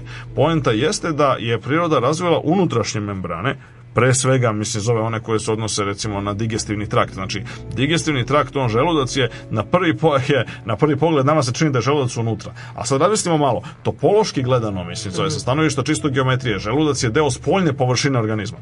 I kao, i, kao i ceo digestivni trag. Znači, znači čovjek ima oblik torusa, mislim, zove ono đevreka, kifle, kako god hoćemo, mislim da shvatimo realno. Zato što on interaguje, znači on unosi, na, na primjer, na usta, ne, ne, a ne, izbacuje kroz debelo crevo, mislim, zove, znači, ekstra otpadne, otpadne materije tako što se one, prera, one se prerađuju umeđu vremenu dok prolaze, tako mislim, je, zove kroz je. ljude po toj jednoj dimenziji i onda postoje unutrašnje vrane. E, ali onda čak i kad se te, čak i kad one, čak i kad se izdvoje, mislim, zove korisne materije na na primjer iz hrane, onda nakon toga one putuju kroz druge membrane, mislim zove unutrašnje, znači unut membrana prema krvotoku, pa onda znači razvijen je sistem, znači svaki svaki organ Svako tkivo je ograđeno unutrašnjim membranama od drugih stvari. To omogućuje diferencijaciju organa, nastanak složene strukture i njihove interakcije, zato što postoji ogroman sistem unutrašnjih membrana koji su specijalizovane tako, mislim zove da propuštaju stvari u smeru u kome treba da propuštaju i na taj način, znači sa unutrašnjim membranama su stvorene su sve današnje životinje pa i biljke dobrim delom. Zeilaherova ideja jeste da edijakarske te proto životinje ili protobiljke izgledaju tako čudno zbog toga što je priroda pokušala taj problem rešiti na drugačiji način. Naime, ona pokušala napravi velike organizme, ali koji će biti samo dvodimenzionalni. Mm. Znači, koji će praktično biti dovoljno tanki, mislim zove da sa jedne, sa gornje i sa donje strane, mislim zove, imaju direktan pristup, mislim, o, o izvorima hrane, da, da, svetla i tako da, dalje. Dakle, onda će morati da rastu, da se pojavljuju, da budu u nekakvim listovima, presavijenim listovima, resicama, fronclama i tako dalje. Mislim, mislim, znači morat će da imaju takav oblik da bi bez obzira što imaju mnogo ćelija, sve ćelije bile direktno u kontaktu, znači da bi, da bi spoljna, da bi postojala jedino spoljna membrana, mislim, zove, koja će omogućiti da se ćelije prehranjuju i održavaju u životu. Taj eksperiment je bio vrlo zanimljiv i e, ultimativno govoreći bio je neuspešan, pošto mi danas znamo da savremeni oblici života, mislim, zove su prevladali sa unutrašnjim membranama.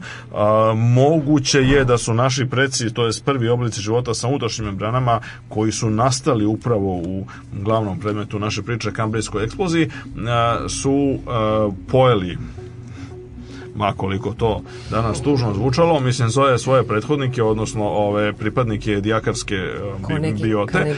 A ove, ali dobro, nije kanibalizam, mhm. pošto nisu bili, Jasne. ne samo što nisu bili ista vrsta, nego čak na neki način nisu bili ni pripadnici ono istog, ono iste, istog dovoljno visokog ovaj, taksonomskog reda, znači vrlo malo su imali toga zajedničko, e, tako da je u tom nekom smislu reči očigledno da je e, ono što što je nastalo u toj nekoj prvoj i i potpuno misterično do sada, znači avalonskoj eksploziji kada je nastala prvi kompleksni organizmi je nestalo i onda je 542. godine pardon, 542 miliona godina pre Jasne. današnjice e, je, e, je, je došlo do nove eksplozije života i to je bila čuvena kambrijska eksplozija zato što on njom počinje period koji se zove kambrijum ili kambrija što je stari uh, keltski staro ime za Vels, gde su prvi put pronađeni fosili iz tog perioda i taj, ne samo što je to sad završen je prethodni taj vendijski, a počeo je kambrijski period. To samo po sebi ne bi ništa značilo. Ono što jeste bitno jeste da je sa kambrijskim periodom otpočelo celokupno doba biljaka, životinja, mislim zove doba onih stvari koje ostavljaju fosile masovno e, i koje možemo da rekonstruišemo taj nekakav e, nekakvo filogenetsko stablo života i nekakav evolutivni put koji je doveo do raznih savremenih oblika života. E, samim tim, mada je život nastao mnogo ranije u nekom smislu reči, poreklo biosfere, kako vidimo, znači poreklo ove celine biljaka, životinja, misove i koju mi spadamo u krajnjoj instanci, jeste upravo kambrijska eksplozija. A, I nije slučajno što se početak kambrijske eksplozije se označava, znači početak perioda kambriuma i sama kamrijska eksplozija se označava ne samo kao početak tog perioda, nego kao početak jedne veće vremenske celine u kojoj mi danas živimo, odnosno eona, kako bi rekli mhm. savre, savremeni ovaj, geolozi, a taj eon se zove fanerozoik. Fanerozoik je, e, u, je grčka sintagma koja u bukvalnom, pred, znači onaj prvi deo faner, mi se zove, to možemo prepoznamo svi, to znači fenjer, odnosno svetiljka, odnosno nešto što je vidljivo. Inače ima četvrtu carigradu, se zove, koja se zove faner, koja je zato poznata po tome što je bila osvetljena, mislim zove čak i ono staro srednjevekovno doba. Dakle, uh, fanerozoik Ili e, u E pa na primjer. e, dakle, dakle fanerozoik u kome danas živimo predstavlja u bukvalnom prevodu sa grčkog uh, epohu odnosno doba vidljivog života. A to je zaista tako. Pre toga, u prekambrijumu, najveći deo prekambrijuma jedini život koji je postojao bio mikroskopski, koji nije bio vidljiv golim okom, mogao da se vidi samo pomoću mikroskopa. E, a onda, mislim, zove iznenada, iz misterioznih razloga, od kambrijske eksplozije do danas se pojavljuju svi ovi vidljivi oblici života, biljke koje znamo, životinje koje znamo i ovaj mnogo kasnije i ljudi.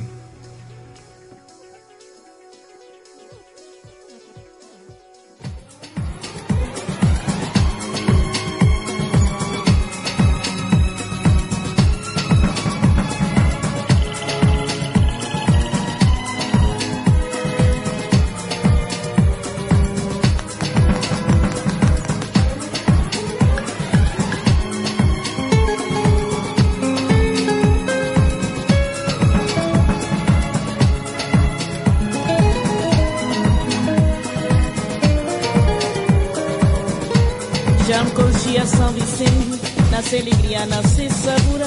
Nunca pude fazer ideia se na carnaval era amassado. Já me fugia São Vicente, nasce alegria não se segura.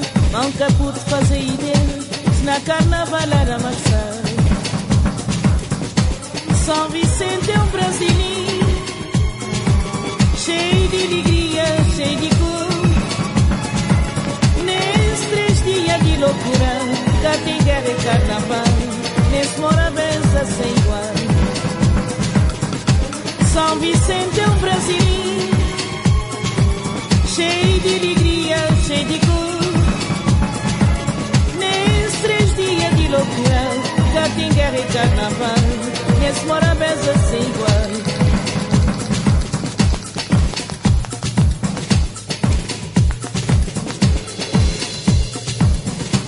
Não tem um festinha mais sossegado Amiga, tá vou poder entrar Só que baba gata faltar Hoje é dia de carnaval Não tem um festinha mais sossegado Amiga, tá vou poder entrar Só que baba gata faltar Hoje é dia de carnaval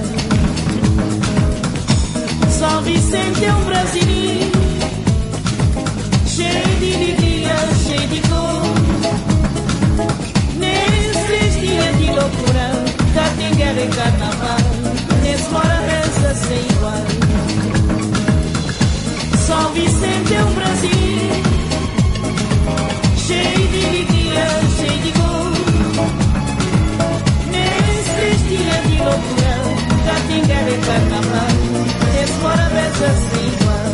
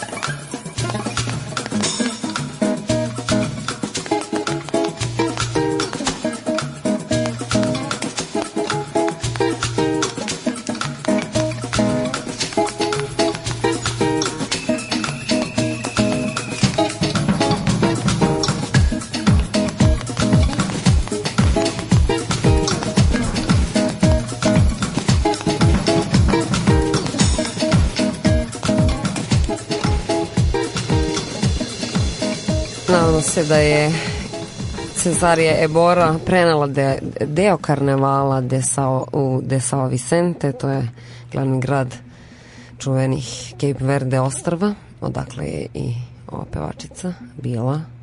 A nastavljamo još kratko priču o kambrijskom E, da, e, u stvari pa nastavit pa ćemo mi detaljnije, mislim, je naravno, I... ove, ovaj, ali je, pot, pošto je, pošto mislim je to jedna velika priča, onda ćemo o tome da nastavimo i u narednoj Radio Galaksiji. A, da. ono što m, treba da sad, da bismo razumeli veličinu kamerijske eksplozije u najbukvalnijem kvantivnom smislu, potrebno je da razumemo nešto iz biološke taksonomije. Mm -hmm. Svi ne, negde otprilike znamo da je Karl Line, veliki švedski prirodnjak iz 18. veka, bio taj koji je na neki način uveo uh, tu neku vrstu taksonomske hijerarhije u biologiju, pa od otuda potiču na latinska imena, mislim, zove raznih, raznih vrsta. O, ovaj, tako da je to na neki način e, neki način je e, prisutno odavno, s tim što tačan oblik, mislim, zove te hijerarhije, mislim, zove se menja sa vremenom i kao što smo rekli da smo dodali domene života, znači imamo život, pa ispod toga su domeni, pa onda nakon toga su kraljevstva, znači domeni su ona tri, prokarioti, eukarioti i arhe, domeni su kraljevstva, to je recimo životinje, na primer animalija, mislim zove na latinskom je jedno kraljevstvo kojem pripadaju i ljudi. Ispod kraljevstva dolaze filumi, to je posebno bitna taksonomska kategorija na koju ćemo, zato što je mhm. ona upravo stvorena u Kambrijskoj eksploziji, onda ispod filma dolaze sitnije stvari kao što su klase, redovi, familije, rodovi, odnosno genusi i ispod genusa se nalaze vrste. E, znači vrsta je na neki način fundamentalna, vrsta je fundamentalna stvar u, e, u biologiji i uopšte naukama o životu. E, vrsta, definicija vrste je e, donekle problematična u najopštijem slučaju. E, kod, međutim, životinja i složenijih organizama nije tako problematično zato što na neki način koristi se jedna e, ad hoc definicija koju je veliki evolucionista, savremeni, relativno skoro pre par godina umro u svojoj 101. godini, Ernest Mayer, e, koji je sugerisao da jednostavno kako ćemo da procenimo da dve individue pripadaju istoj vrsti, pa po tome da li one mogu da imaju plodno potomstvo.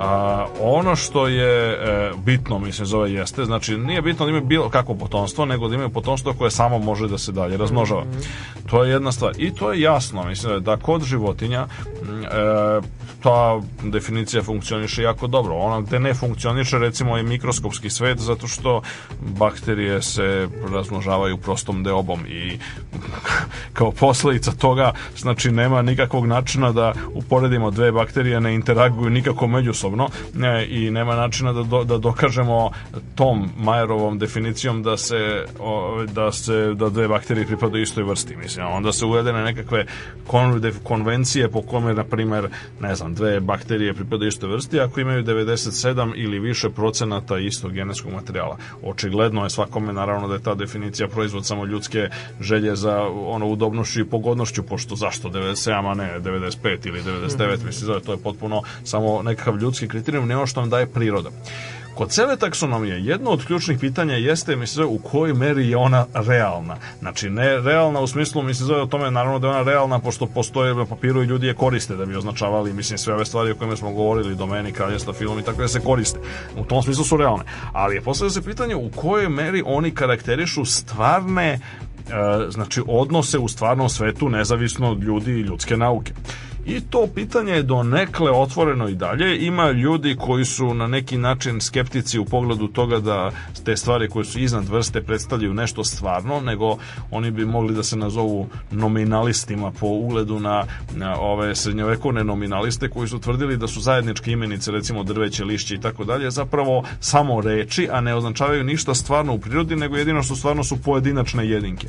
Da li su, da li, one, da li su ove nivoi hirarhije iznad vrste vrsta, mislim, zove u tom smislu stvarni ili ne, to oko toga postoji jedna velika debata koja se vodi i u evolutivnoj biologiji i e, u, znači, u raznim oblicima u klasičnoj biologiji, na fiziologiji biljaka i životinja, a, takođe i u filozofiji biologije.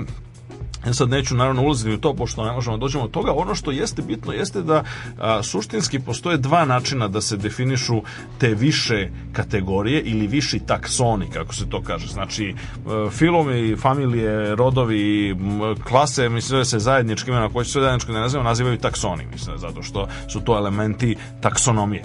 E, ti taksoni, mislim da se mogu definisati u suštini na dva načina. Klasične definicije su zasnovane na onome što se zove body plan ili još bolje, mislim, pošto to doba je e, kada je kada se o tome kada je to uvedeno i kada je to bilo najaktuelnije nemački je bio glavni e, jezik nauke mislim zove to nešto zove der Bauplan Bauplan je je jednostavno morfološka struktura organizma znači kad gledamo sa strane kako organizam izgleda, naravno i kad gledamo unutrašnju strukturu, kad ga sekciramo, mi se zove i ono i analiziramo, onda gledamo kako on izgleda i na osnovu nekakvog dovoljnog broja karaktera koji su slični u nekom skupu mi definišemo odgovarajući takson. A, to je jedan način. Danas, alternativni način koji imamo, mislim da je nešto što je moguće uraditi onda kada razumemo nekakve genetske relacije među, među uh, organizmima koji pripadaju raznim vrstama, a različitim ili istim taksonima.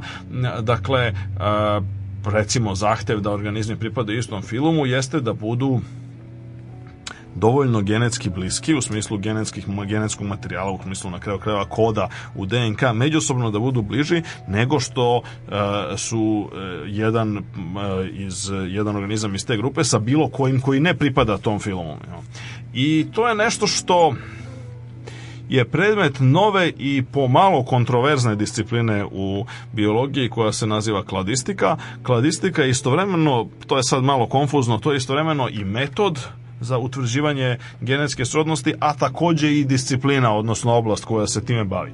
Tako da oko toga postoji, mislim, zove jedna, e, postoji jedna kontroverza izvesna i dan, dana današnjeg, u kojoj meri se recimo zaključci koji se izvedu na osnovu telesnog plana, na osnovu tog bau plana, na osnovu morfo oblika organizma, se podudaraju ili ne podudaraju sa zaključcima koji su izvedeni iz, iz njegovih genetskih karakteristika, odnosno genetske srodnosti, odnosno jednostavno posjedovanja zajedničke genetske informacije zapisane u, zapisane u DNK.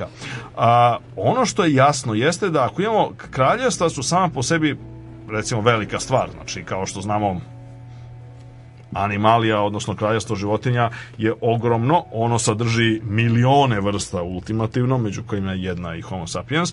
A, a ono što je, recimo, ima do duše, m, znači, m, recimo, kraljevstvo plante, odnosno biljaka je nešto manje, mislim, ono sadrži manje vrsta, ali to je opet ogroman broj u pitanju, su stotine hiljada vrsta i tako dalje.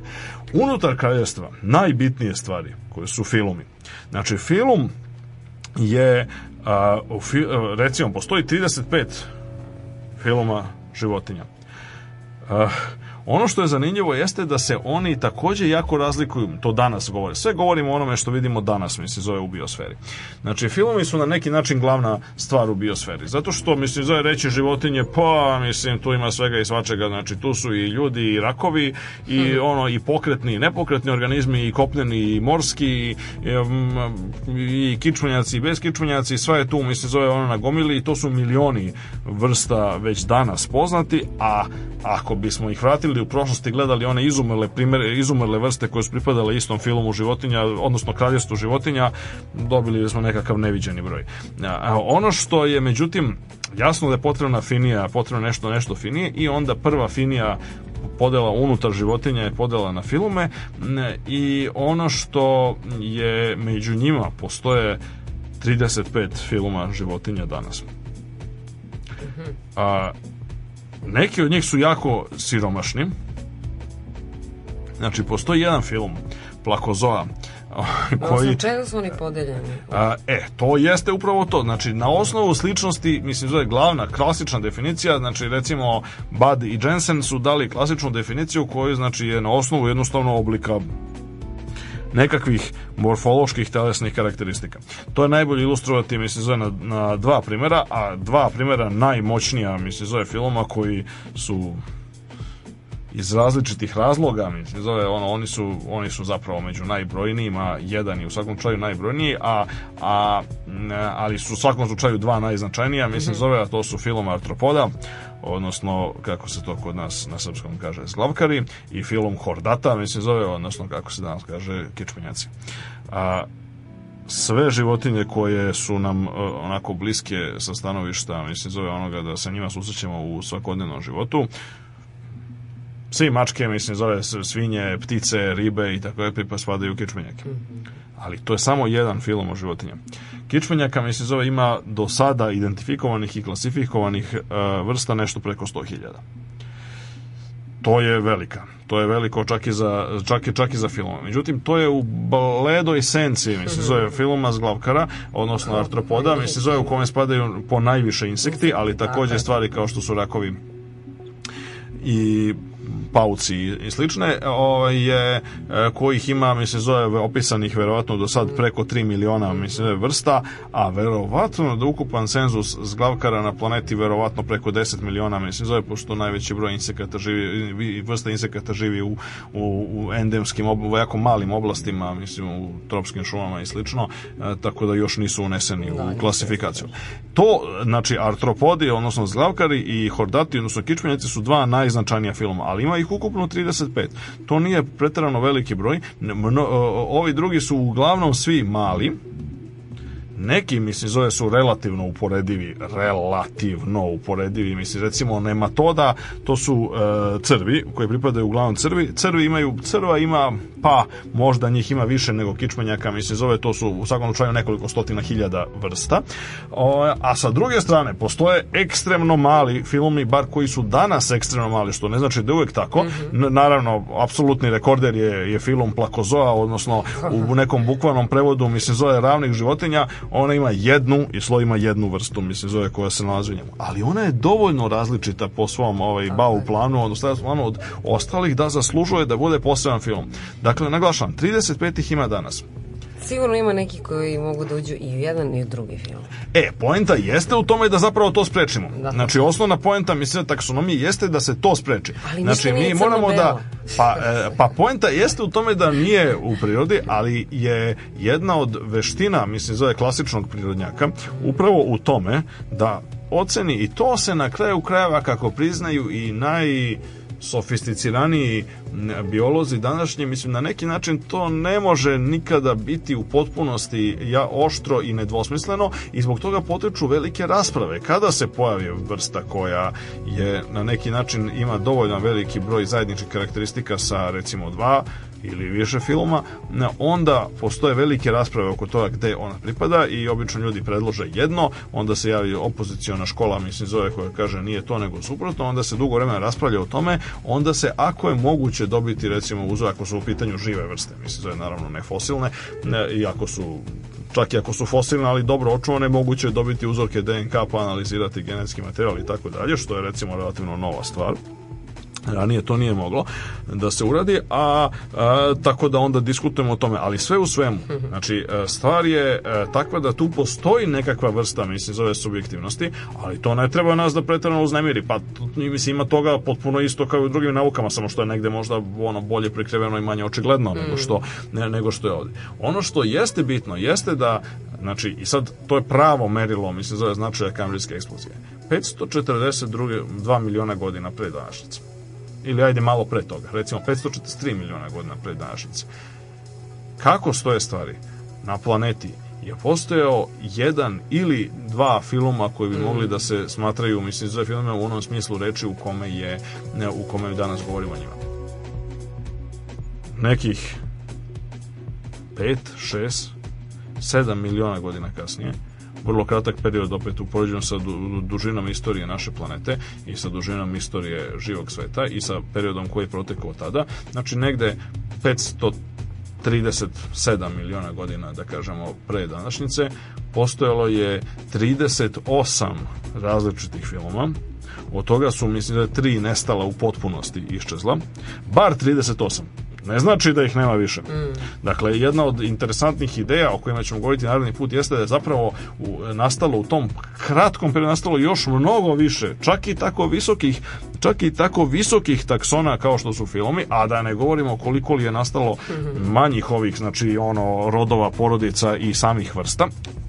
Dakle, a, znači tri su nestala, 38 ih je nastalo za period od 5 miliona godina. Nakon toga, praktično nije nastao ni jedan novi. Znači sve ove stvari, mislim, samo su se evoluirale, menjale, pojavljivale nove vrste, tako je, ni jedan novi film, ni, jedna, ni jedan drastično drugačiji telesni plan nije, nas, nije nastao u čitavih pola milijarde, više od pola milijarde godina koliko je proteklo od tada. I to je ono zašto se to zove kambrijska eksplozija. To se desilo u periodu kambrijuma i to je bilo u nekom smislu reči eksplozija raznovrsnosti, eksplozija biodiverziteta i eksplozija onoga što se, sad biodiverzitet se ponekad koristi naivno, pogotovo pošto je sad dobio mi se nekakva ekološka značenja, onda oni kažu to je broj, to je nešto, sve je nešto, mi se borimo protiv opadanja biodiverziteta i tako dalje. Biodiverzitet je striktno govoreći broj vrsta. E sad, broj vrsta nam daje neku informaciju informaciju, ali ne daje nam celinu e, informacije o tome zato što, kao što smo videli, znači dve vrste insekata, dve, dve nekakve bubice koje su jako slične, pa mislim, ok, lepo je to što ima dve vrste, mislim, mhm. a ne jedna. Ali to nam ne govori mnogo o, za, o pravoj raznovrsnosti, pošto su oni jako slični. Prava raznovrsnost nam daje broj različitih telesnih planova, mislim, koji su se pojavili. E, to je nešto što se često naziva disparitet.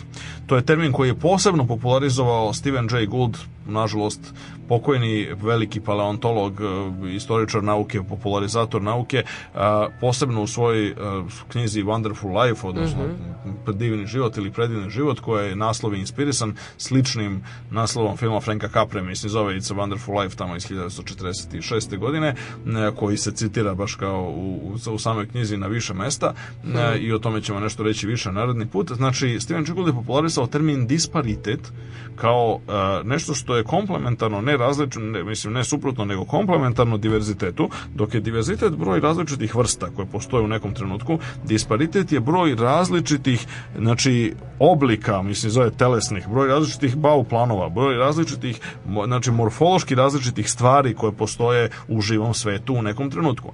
E, taj disparitet je nastao u kambrijskoj eksploziji biosfere koje vidimo. I nakon toga se izgleda samo trošio Znači on se uopšte nije povećavao nakon toga, on se nakon toga smanjivao, zato što su neki od tih filmova iščezli, mi se zove neke druge stvari su nestale, znači onaj e, disparitet koji je nastao ogroman u kamlijskoj eksploziji za vreme jednog zapanjujuće kratko geološkog i biološkog i evolucionog kratkog vremena, je se nakon toga trošio i troši se do današnjeg dana.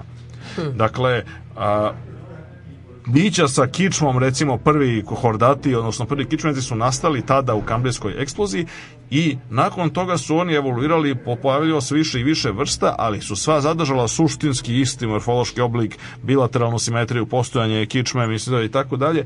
Dakle, a, to se isto desilo sa zlavkarima, to se isto desilo mislim da sa, ne znam, brahiopodama, sa tar, tardigradama, sa crvima i sa drugim, da. sa drugim ono filmima koji su tada nastali, oni su se kasnije profinjavali, ali suštinski isti telesni plan je ostao isti.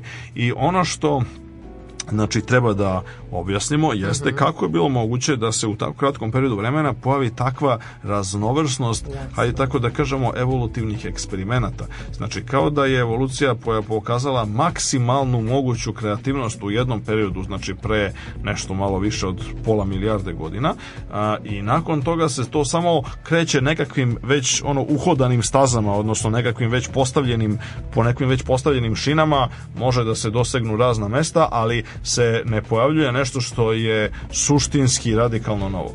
Zašto je to tako? To je umnogome velika misterija i e, kambrijska eksplozija je velika tema aktualnih istraživanja u mnogim oblastima, počevo od ono najklasičnijih geoloških i geohemijskih istraživanja preko najrazličitijih oblasti klasične biologije, sad u posljednjeme i molekularne biologije i genetike, pa zaključno i sa astrobiologijom, zato što pitanje u kojoj meri je događaj kao što je kambrijska eksplozija zaista jedinstven, u onom smislu u kome je mm. jedinstven veliki prasak, ili je to nešto što kad kad se steknu uslovi će se desiti na bilo koji planeti koja je nastanjiva i gdje postoje recimo bakterije i drugi mikroskopski oblici života, to je veliko pitanje mislim, koje je daleko smo od rješenja, ali ima jako mnogo posla mislim i za ove mlade snage i za naredne generacije naučnika.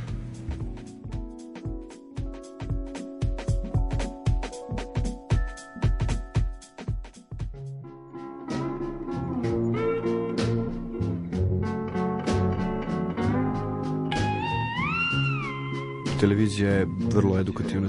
Svaki put kad neko upali TV, ja odem u drugu sobu da čitam knjigu. Prljava knjiga nikad nije prašnjava.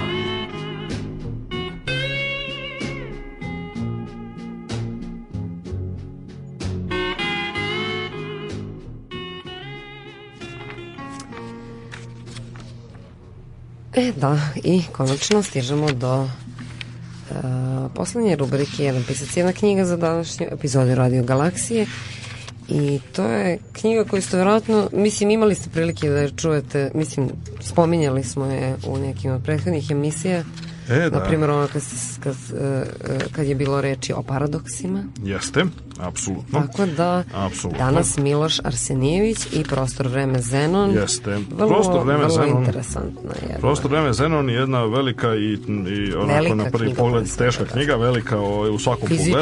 pogledu. E, I o, ovaj, i fizičkom i drugom. Ono što je e, ono što jeste zanimljivo jeste da ja apsolutno kažem ono, neću se libiti i uslučavati mislim da iznesem radikalnu tvrdnju da je ovo najbolji filozofski tekst napisan na srpskom jeziku ikada. E sad, možemo da diskutujemo o tome, on nažalost nema veliku konkurenciju u tom pogledu. E, ima nekih knjiga Brane Petronijevića, ima nekih knjiga, mislim, zove još, još nekih mm, e, autora, međutim, međutim, e, iz razno raznih razloga, ova knjiga, Prostorana i Zenon, koja je prvo izdanje doživala 1986. A ono što je je eh, ono što jeste zanimljivo i što je za nas za nas ovde posebno bitno jeste eh, to da ona ima novo izdanje, znači u izdanju eh, knjižarnice Zorana Stojanovića i Sremskih Karlovaca danas u Novom Sadu 2007. godine, znači skoro je izašlo novo izdanje ove knjige Prostor vreme i Zenon, izmenjeno, dopunjeno i tako dalje. I ovo je dobro ima ga po našim knjižarama. Ima, ima, ima. Ono ovo je dobar primer za zaista da se kako izgleda savremeni tekst e, o temi iz e, potpuno aktualnoj koja se dotiče pre svega analitičke filozofije, filozofije matematike i filozofije prostora i vremena. Osnovna tema jesu poznati Zenonovi paradoksi ili aporije, e, njegovi dokazi protiv postojanja mnoštva i kretanja, znači Zenon iz Eleje pre dobrih 2500 godina je postavio neke veoma zabavne na prvi pogled probleme, kao što je možda najzabavniji onaj čuveni Vahilovi kornjači, ako kornjača krene, koja je mnogo sporija od Ahila koji je važio kao najbržeg među Grcima, ovako kornjača krene, mi se zove sa recimo, ne znam, 10 ili 50 metara prednosti u odnosu na Ahila, onda u, do momenta kad je on stigao na mesto gdje je ona bila, ona je malo odmakla, pa e, onda dok on stigne na mesto gdje je ona malo odmakla, ona je još malo odmakla i tako dalje, tako da se ispostavlja da bi Ahil samo asimptotski težio da dostigne kornjaču, a nikada ne je bio u stanju da je prestigne, nasuprot onome što mi znamo iz svakodnevnog iskustva. Kako je to moguće?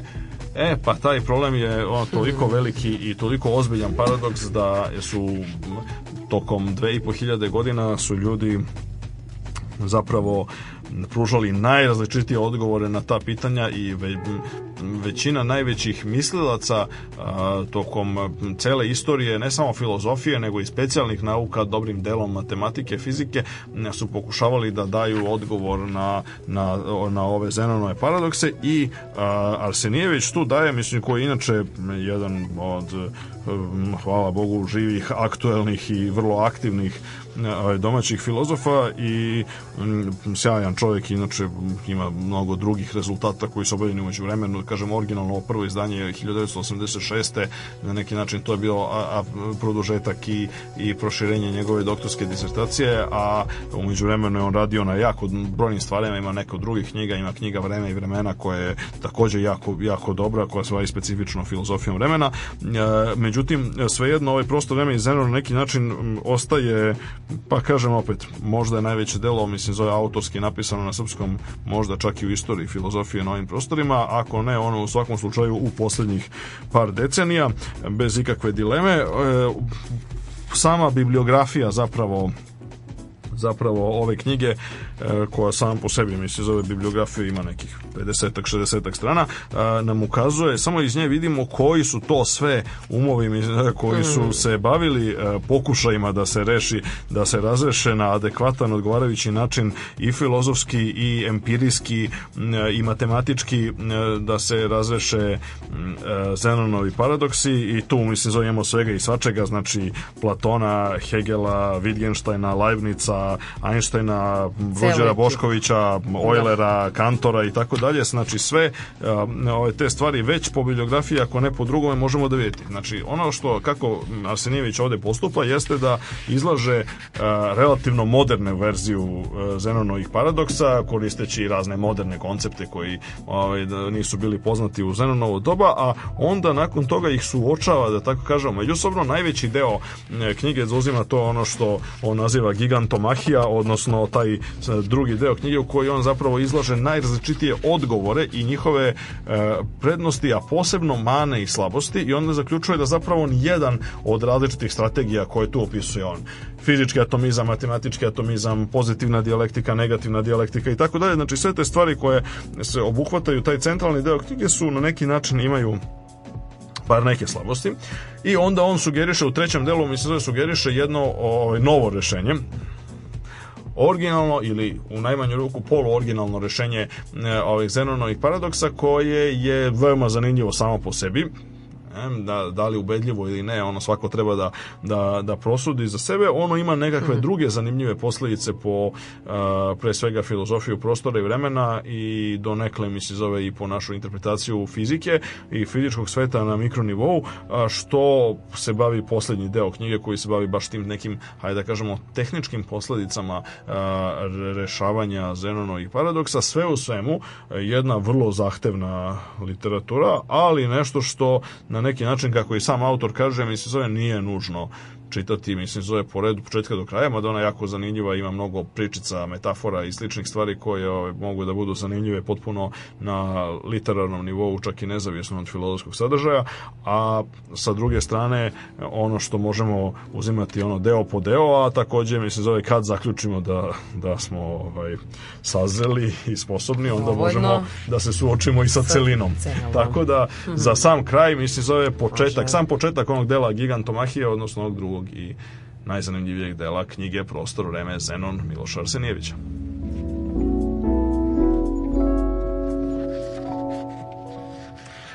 Dve i po hiljadu godišnja istorija Zenonovih dokaza protiv mnoštva i kretanja nije samo istorija pokušaja da se izađe iz teškoća u koje one vode. Nastojanja filologa i istoričara filozofije da rekonstruišu ove dokaze i znatna, ponekad i ogromna razilaženja među njima, jasno pokazuju koliko je ta istorija i istorija rekonstrukcija izvornih dokaza.